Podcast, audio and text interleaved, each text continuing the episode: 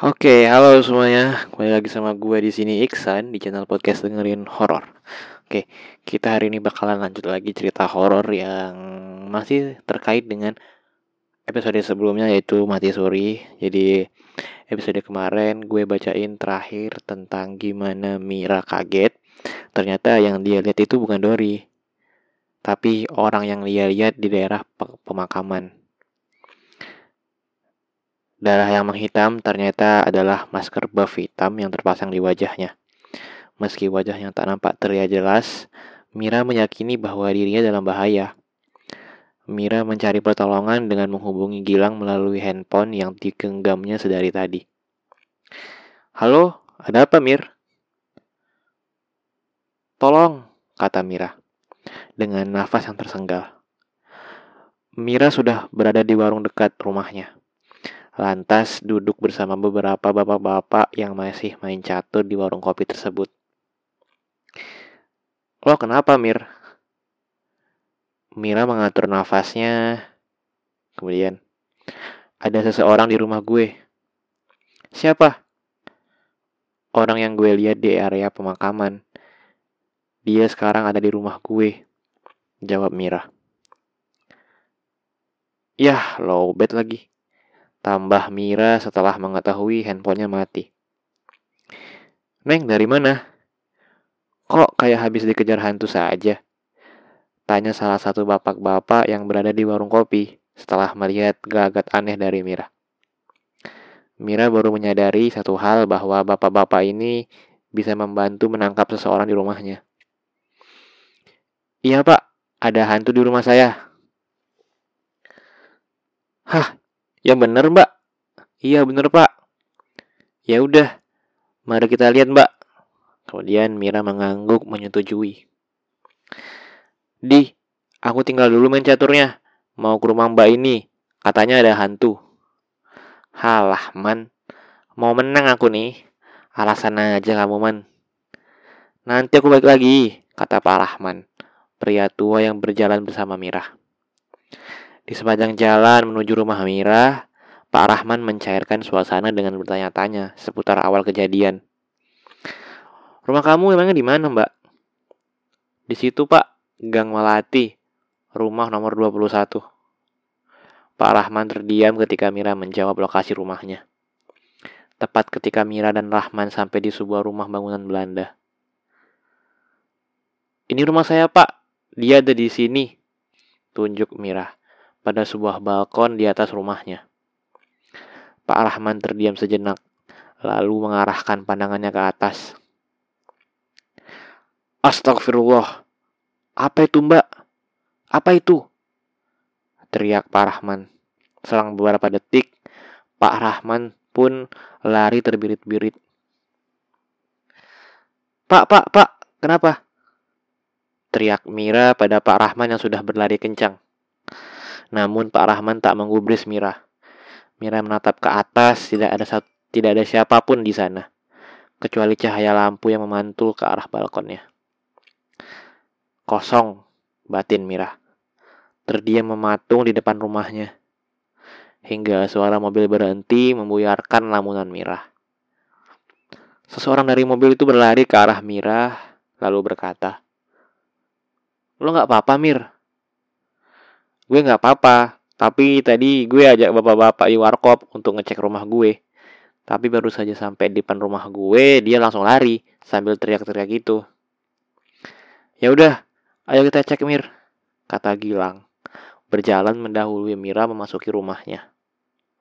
Gilang membuka pintu menyalakan semua lampu di rumah Mira satu persatu. Hingga Mira dan Gilang menyadari satu hal Jejak kaki?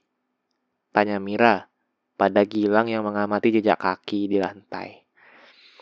Jejak kaki yang begitu nampak jelas karena beberapa tanah liat dari kaki seseorang itu tertempel membuat sebuah petunjuk ke arah mana ia berjalan.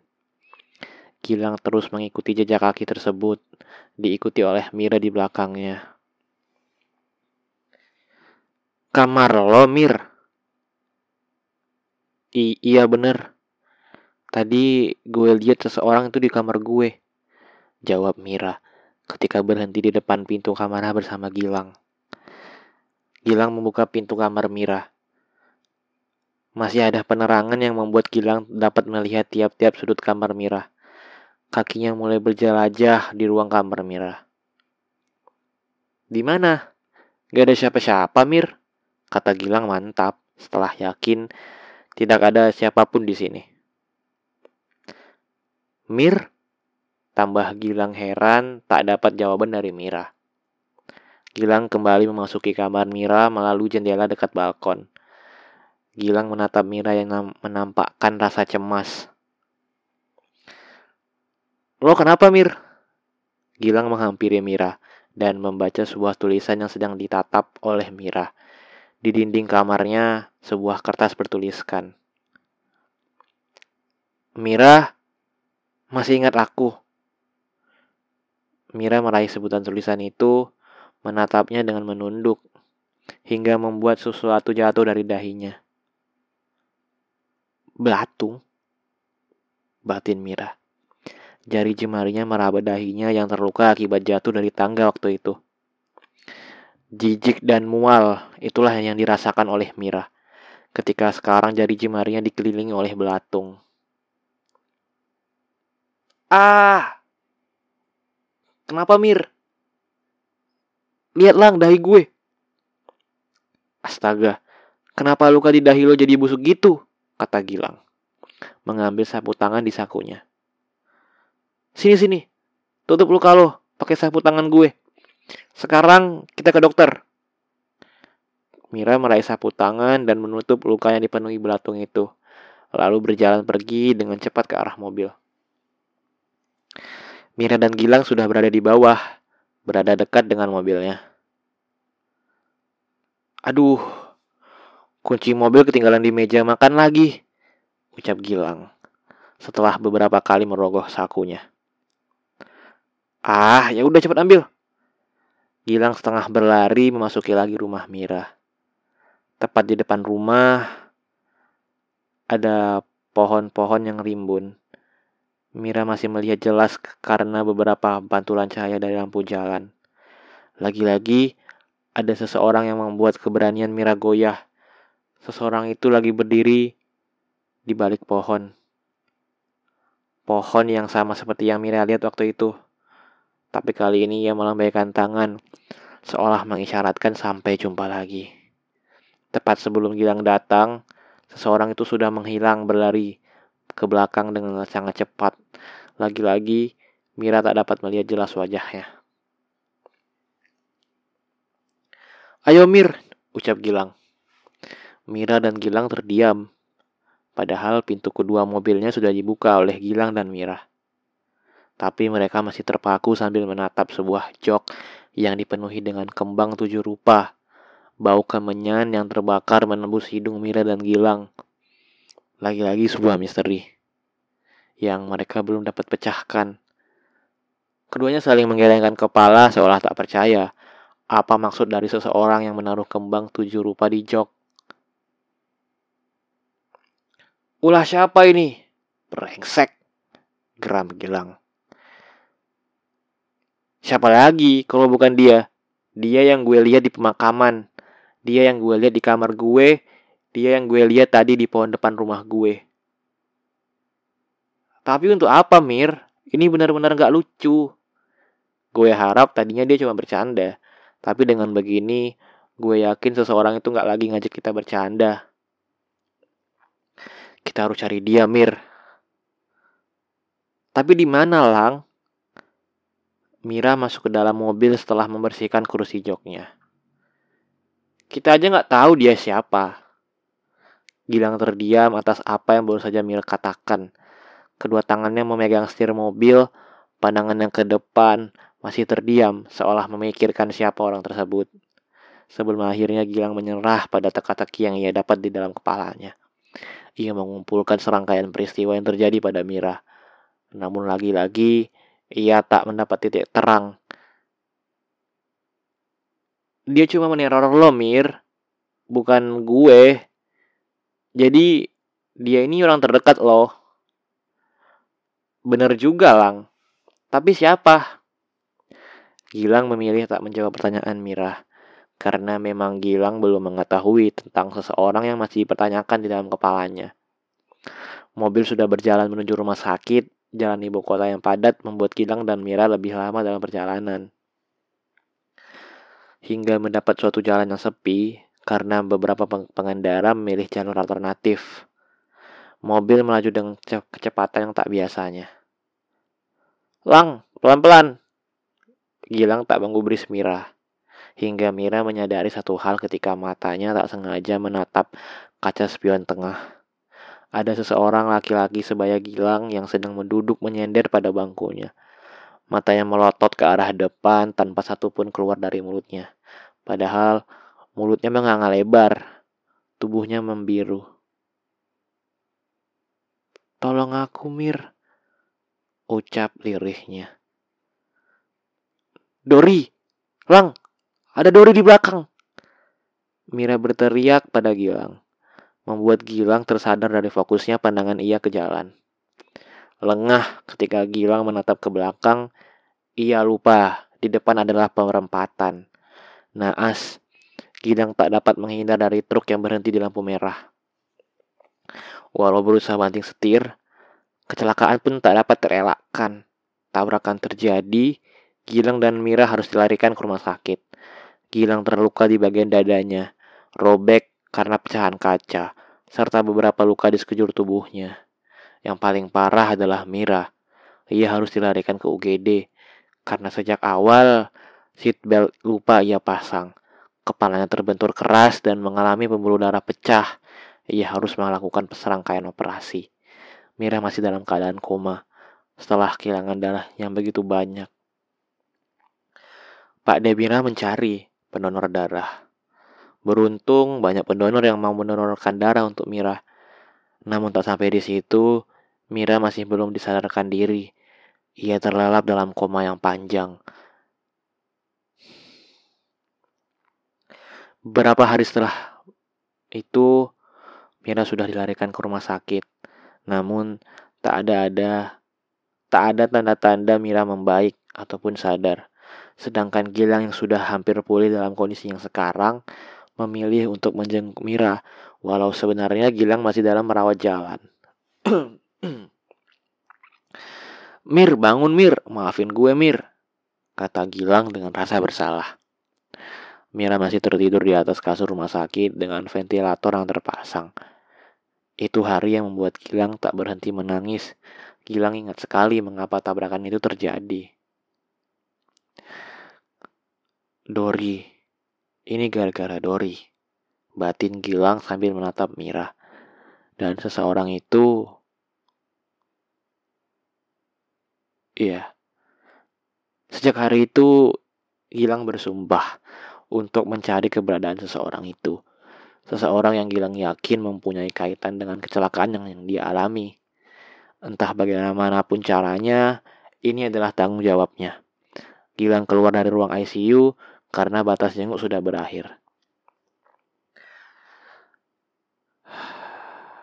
Ia menatap ibu dan ayahnya Mira yang berada di bangku ruang tunggu. Pak, Bu, saya minta maaf sebesar-besarnya atas kejadian ini. Tidak apa-apa, nak. Yang namanya musibah gak ada yang tahu. Beruntung keluarga Mira memaafkan Gilang, membuat Gilang sedikit lega walau masih dalam perasaan bersalah. Sepuluh hari berlalu. Mira masih belum bersadarkan diri. Keluarga Mira meminta agar Mira dirawat di rumah Pak D-nya saja, karena cukup jauh apabila Pak D-nya Mira ingin menjenguk ke sana. Dokter menyetujui, meski sebenarnya dokter sudah memvonis Mira tidak akan bertahan lebih lama lagi. Hari itu Gilang yang membawa Mira ke rumah Pak D-nya bersama ayah dan ibu Mira, serta beberapa perawat khusus untuk Mira. Hari ke-11, Gilang masih berharap Mira membuka matanya, tapi semua itu hanyalah harapan Gilang. Mira masih tak mau membuka matanya ataupun menggerakkan tubuhnya. Gilang pergi ke arah jendela kamar Mira, membuka hordeng yang menutup jendela, membiarkan cahaya matahari menembus kamar Mira. Hingga Gilang menatap sesuatu yang tak asing baginya ada dua surat yang tertumpuk rapi di sudut meja Mira. Gilang pernah melihat surat itu. Kemudian, surat ini kan yang waktu itu dikasih sama ibunya Dori. Batin Gilang menetapkan sebuah amplop yang di depannya bertuliskan teruntuk Mira. Dan ada satu surat sudah sangat usang. Terlihat karena beberapa debu yang menghinggapi amplop itu. Semua amplop yang berwarna putih tersebut berubah menjadi kecoklatan, serta beberapa noda bekas air. Tapi sepertinya Mira tak pernah membaca isi surat itu.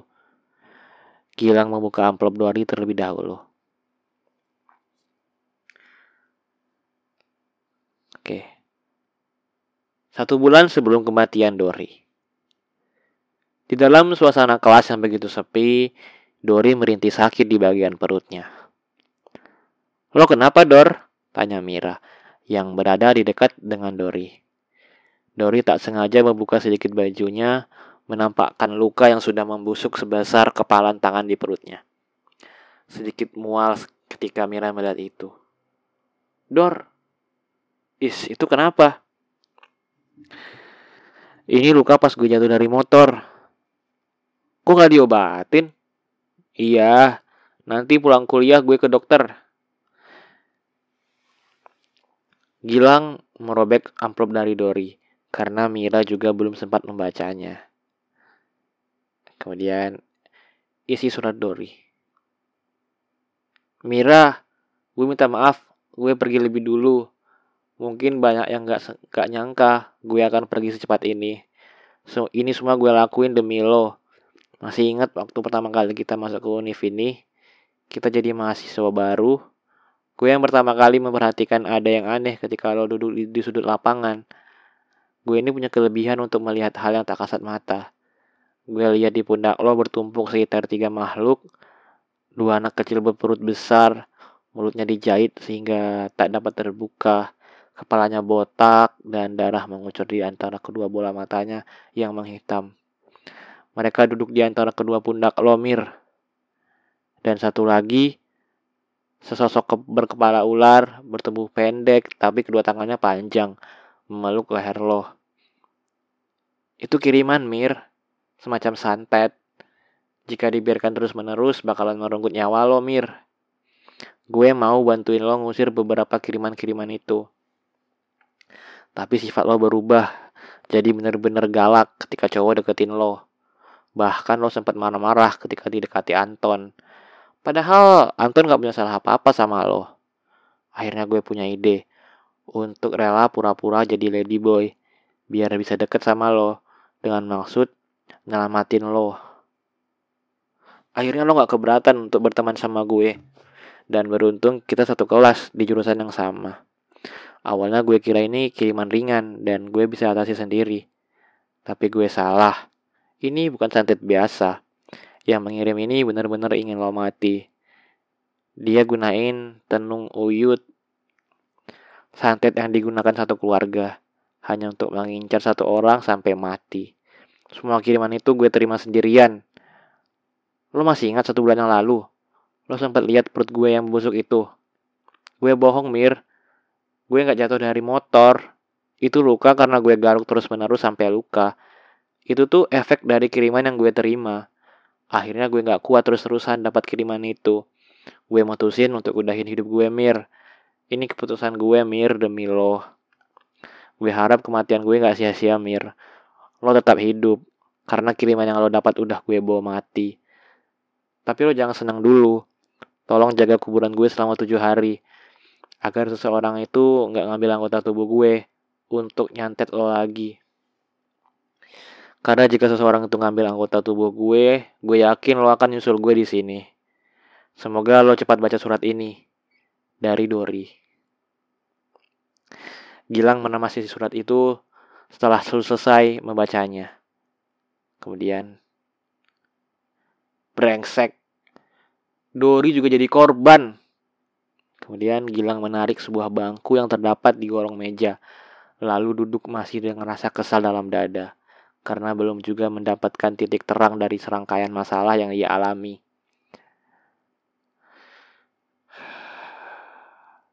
Mira belum sadarkan diri dan seseorang itu juga masih dalam tanda tanya.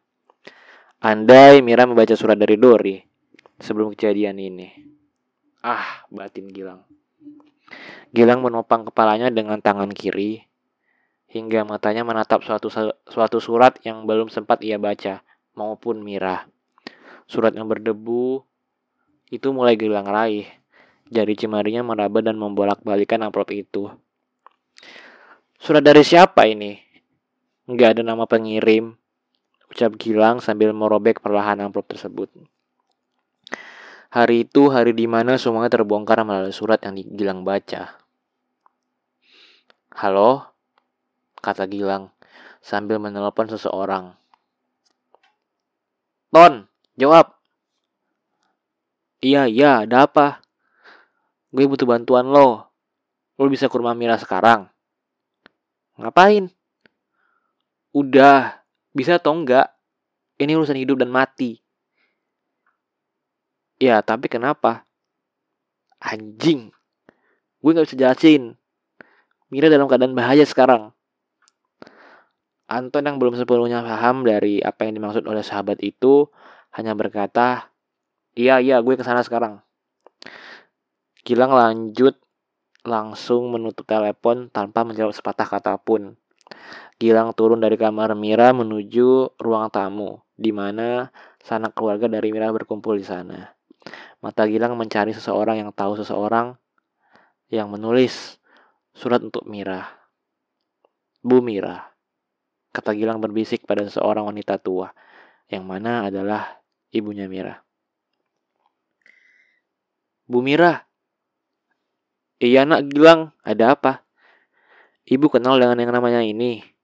Tanya Gilang memberikan suatu nama pada surat tersebut. Ibunya Mira tampak menatap nama pada kertas itu sedikit lama. Seolah mengingat. Ah, iya. Ini anak desa sebelah dulu. Mira pernah mengenalkan dia pada ibu. Saya boleh minta alamat lengkapnya nggak, Bu? Waduh, kalau alamat lengkapnya saya kurang tahu. Tapi ada kerabatnya Mira yang tinggal di sana dan kenal dengan orang ini. Siapa namanya, Bu? Namanya Bunga. Dia tinggal di desa ujung, Jawa Teh. Makasih, Bu, ucap Gilang setengah berlari. Keluar. Pagi itu, Gilang memilih untuk berangkat ke Pulau Jawa untuk menemui seseorang yang telah membuat Mira kritis di atas kasurnya. Melihat beberapa kota tanpa bersender di area sekalipun, Gilang tetap memacu mobilnya. Rasa cemas menghantui membuat Gilang semakin tak peduli lelahnya perjalanan. Yang ada di pikirannya bagaimana agar Mira selamat. Jam 7 malam. Gilang sudah memasuki sebuah desa berada di ujung dan diapit oleh dua gunung. Hingga sampai di sebuah rumah, Gilang memaklumi rumah dengan penerangan yang minim ini. Karena Gilang tahu desa ini belum dialiri listrik. Permisi. Iya mas, ada apa ya? Tanya seseorang wanita yang baru saja keluar dari dalam rumah tersebut. Maaf mbak, saya ingin ketemu dengan Bunga. Apa dia ada di rumah? Oh, saya sendiri. Kenapa ya, Mas? Dan Mas ini siapa? Oh, kamu Bunga. Saya adalah teman kampus Mira. Ada sesuatu yang ingin saya tanyakan. Jawab Gilang. Seraya mengeluarkan sebuah surat dari sakunya.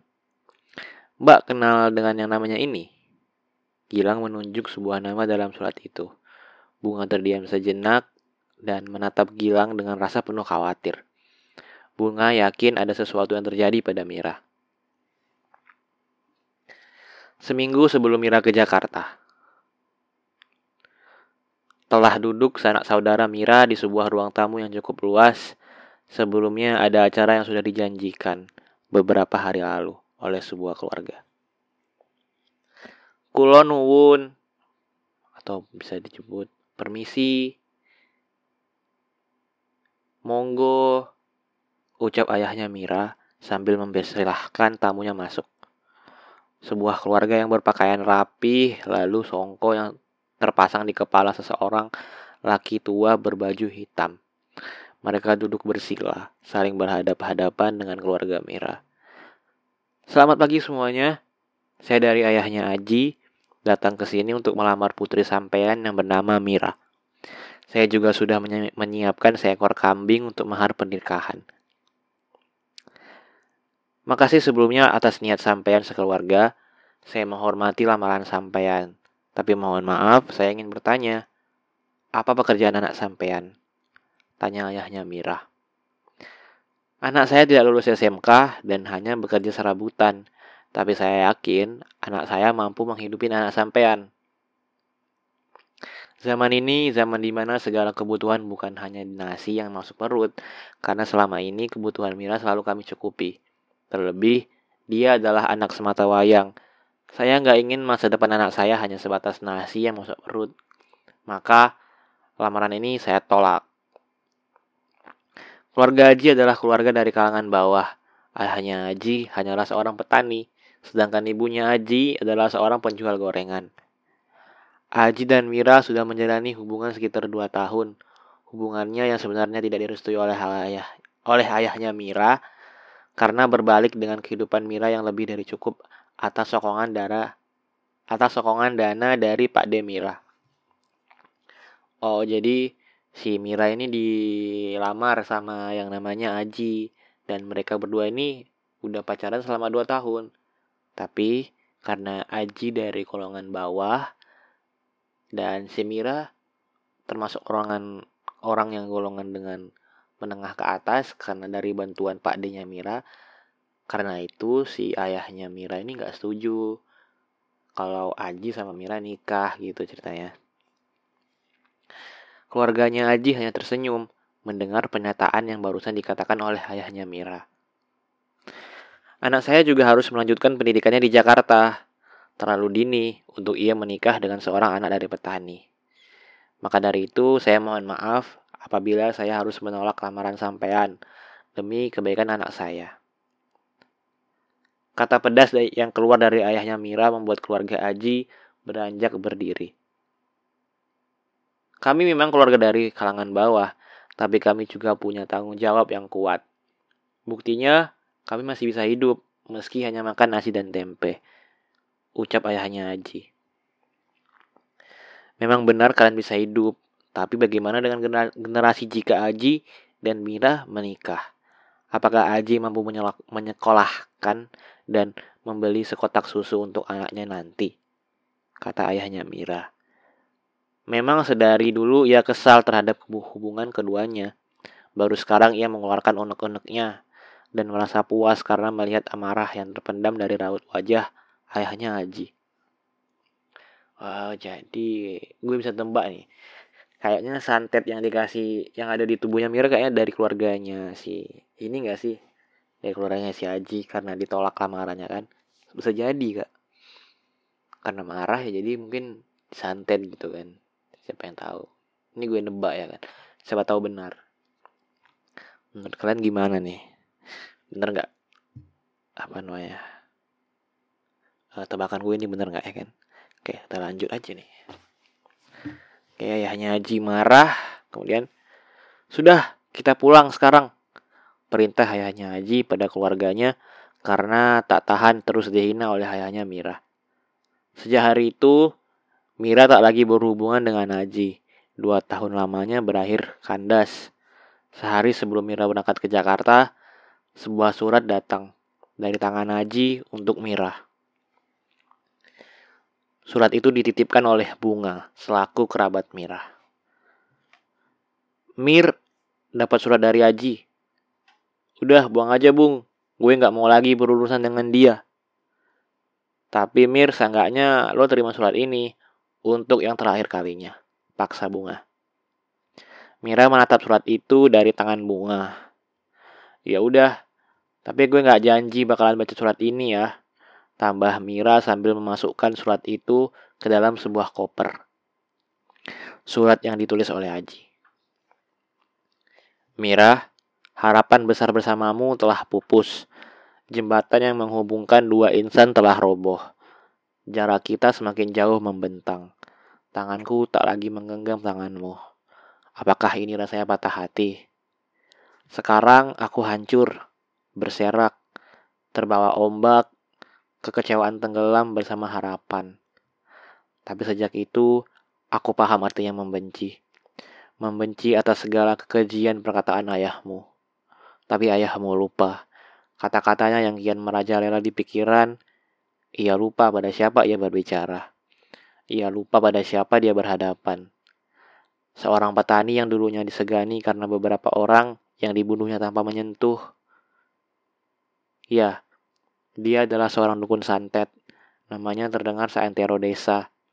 Mungkin ayahmu lupa. Sekarang aku mengingatkan kembali melalui surat ini. Cinta yang berubah menjadi dendam karena kecewa yang terpendam. Aji. So kan, bener kan? Apa kata gua? yang nyantet itu pasti keluarganya Aji. Cinta ditolak, dukun bertindak. Iya, iya. Mbak, tanya Gilang pada bunga yang terpaku pada sebuah surat yang diberikan Gilang. Mas, bener mau ke rumahnya? Bener mbak, karena ini pasti ulahnya. Tapi mas, dia bukan orang sembarangan. Saya tahu mbak, saya udah baca saya udah baca isi surat itu sebelumnya. Maaf, saya hanya bisa membantu memberikan alamat rumahnya, karena saya juga takut apabila terjadi sesuatu pada keluarga saya. Saya mengerti, Mbak. Kemudian Bunga menjabarkan lokasi rumah Aji. Makasih ya, Mbak, ucap Gilang, lalu segera pergi menuju rumah Aji. Melewati hamparan luas kebun teh dan masuk lagi ke hutan. Ini rumahnya banyak, tapi orang yang tinggal di sini kok dikit ya? Batin Gilang setelah melihat rumah-rumah yang berjejer rapi. Tapi hanya sekitar 2-3 rumah yang diberi lampu Petromax. Gilang berhenti pada sebuah rumah yang dikatakan oleh Bunga. Gilang melangkah perlahan ke arah rumah itu. Mau cari siapa? Tanya seseorang. Membuat Gilang memutar tubuhnya menatap seseorang di balik pohon beringin. Seseorang itu keluar menampakkan buff masker yang terpasang di wajahnya. Dan seseorang itu menghampiri Gilang. Saya cari Aji. Yang di depan matamu ini adalah yang kamu cari. Kata seseorang itu sambil melepas melepas buff masker di wajahnya. Wajahnya sekarang tampak jelas di mata Gilang. Kenapa lo tega ngelakuin ini? Itu yang sebut yang lo sebut tega. Membunuh Mira lo sebut tega. Seseorang itu berhenti tepat di hadapan Gilang. Keduanya menatap sengit. Dua tahun lamanya gue menjalin hubungan berakhir dengan penghinaan. Lo sebut gue tega? Men, gue nggak kenal lo siapa, tapi nggak semua cinta itu lo harus paksain gue nggak pernah maksa dia untuk nikah sama gue. Gue nggak patah hati karena dia nggak jadi nikah sama gue. Gue cuma sakit hati atas perkataan ayahnya ke keluarga gue. Gue emang miskin tapi keluarga gue nggak pernah jual harga diri. Dan kalau lo tanya apa yang terjadi sama Mira itu karena gue. Iya gue yang buat dia terbaring di kasurnya. Gue yang ambil potongan tubuh Dori ketika di pemakaman Gue yang hari itu menyelinap masuk ke kamar Mira cuma untuk naruh sebuah wadah santet berupa anggota tubuh Dori. Dan gue juga yang naruh kembang tujuh rupa di jok mobil lo agar lo berdua kecelakaan. Jahat kan gue? Anjing, ucap Gilang. Sembari melepaskan boge mentah ke kepala Aji. Aji menghindar dengan mudah Lalu Aji memberikan sebuah pukulan ke perut. Gilang masih dapat menahannya.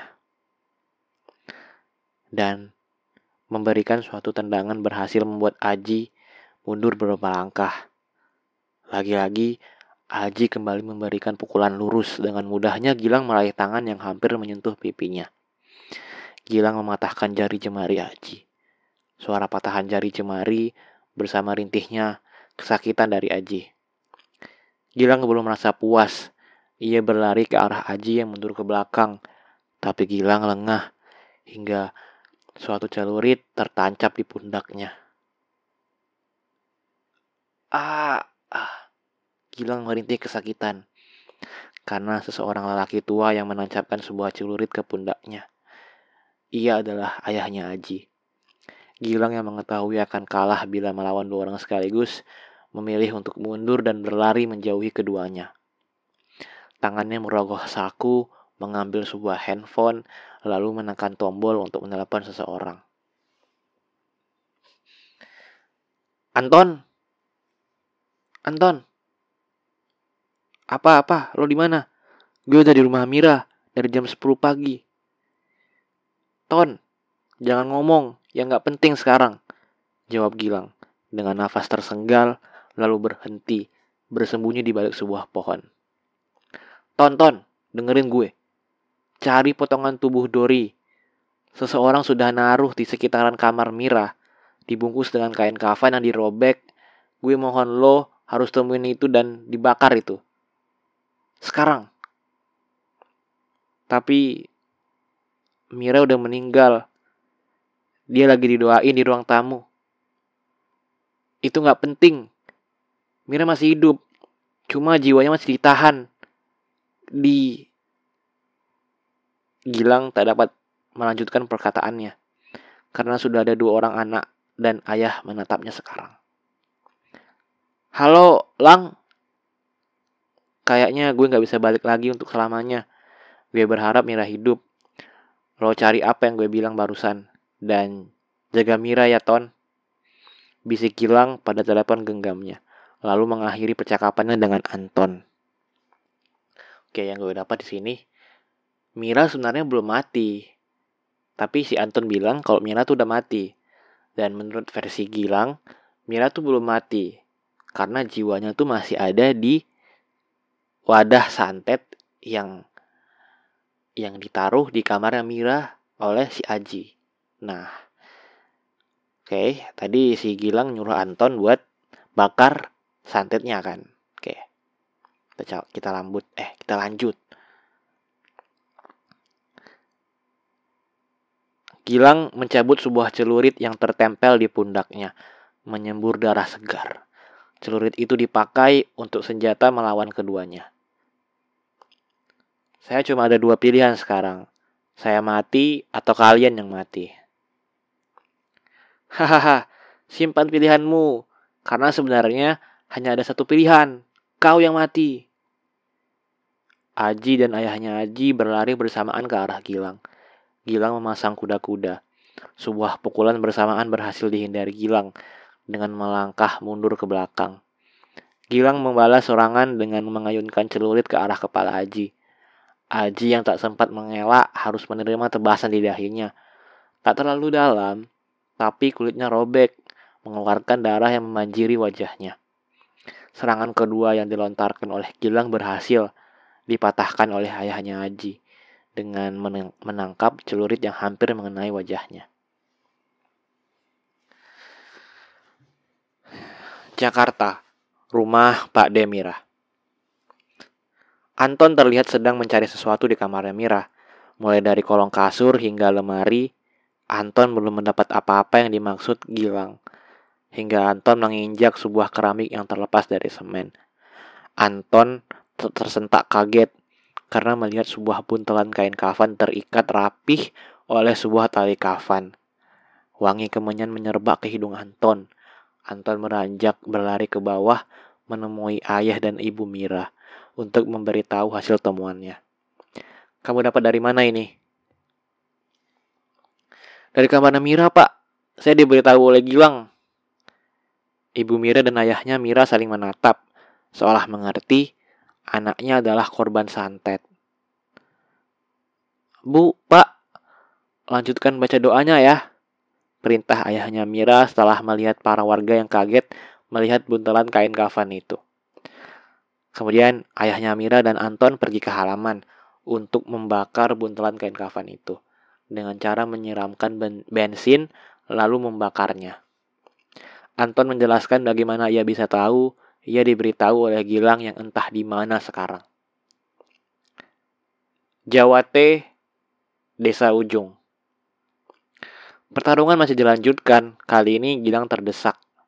Tenaganya habis, lemas menghantuinya karena darah masih mengucur dari pundaknya. Gilang berlari dengan sekuat tenaga. Alih-alih kabur, ia malah mengambil sebuah celurit yang terbuang. Tepat ketika Aji mengejar Gilang, Gilang menghantam keras celurit itu ke kepala Aji berkali-kali dengan penuh amarah. Aji terhenti. Tangannya tak dapat lagi menggapai tubuh Gilang.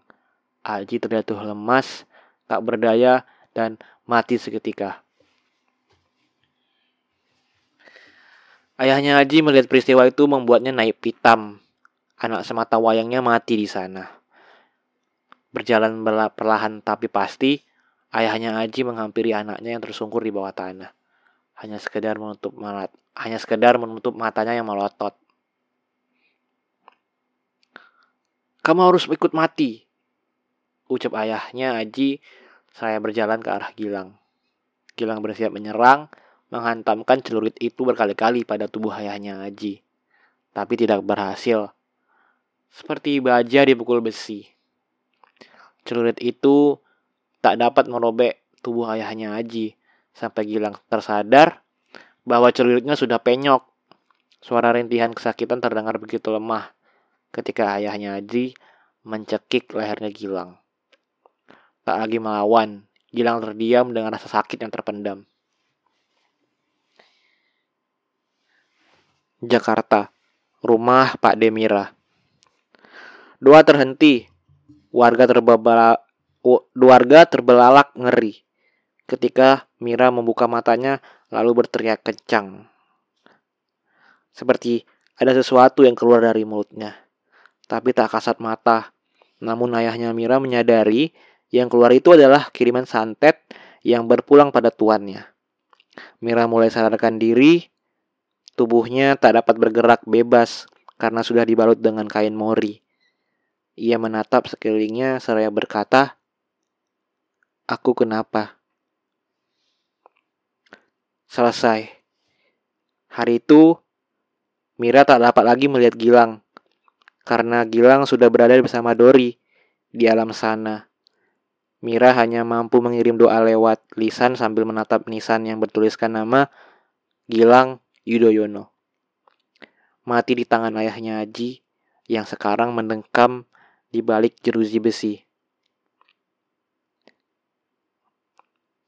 Ambil sisi positif, buang sisi negatif. Semoga ini bisa jadi pelajaran untuk kita semua. Pesan singkatnya, hati-hati dengan ucapan karena itu bisa menyakitimu dan hati seseorang. Matur suwun. See you soon.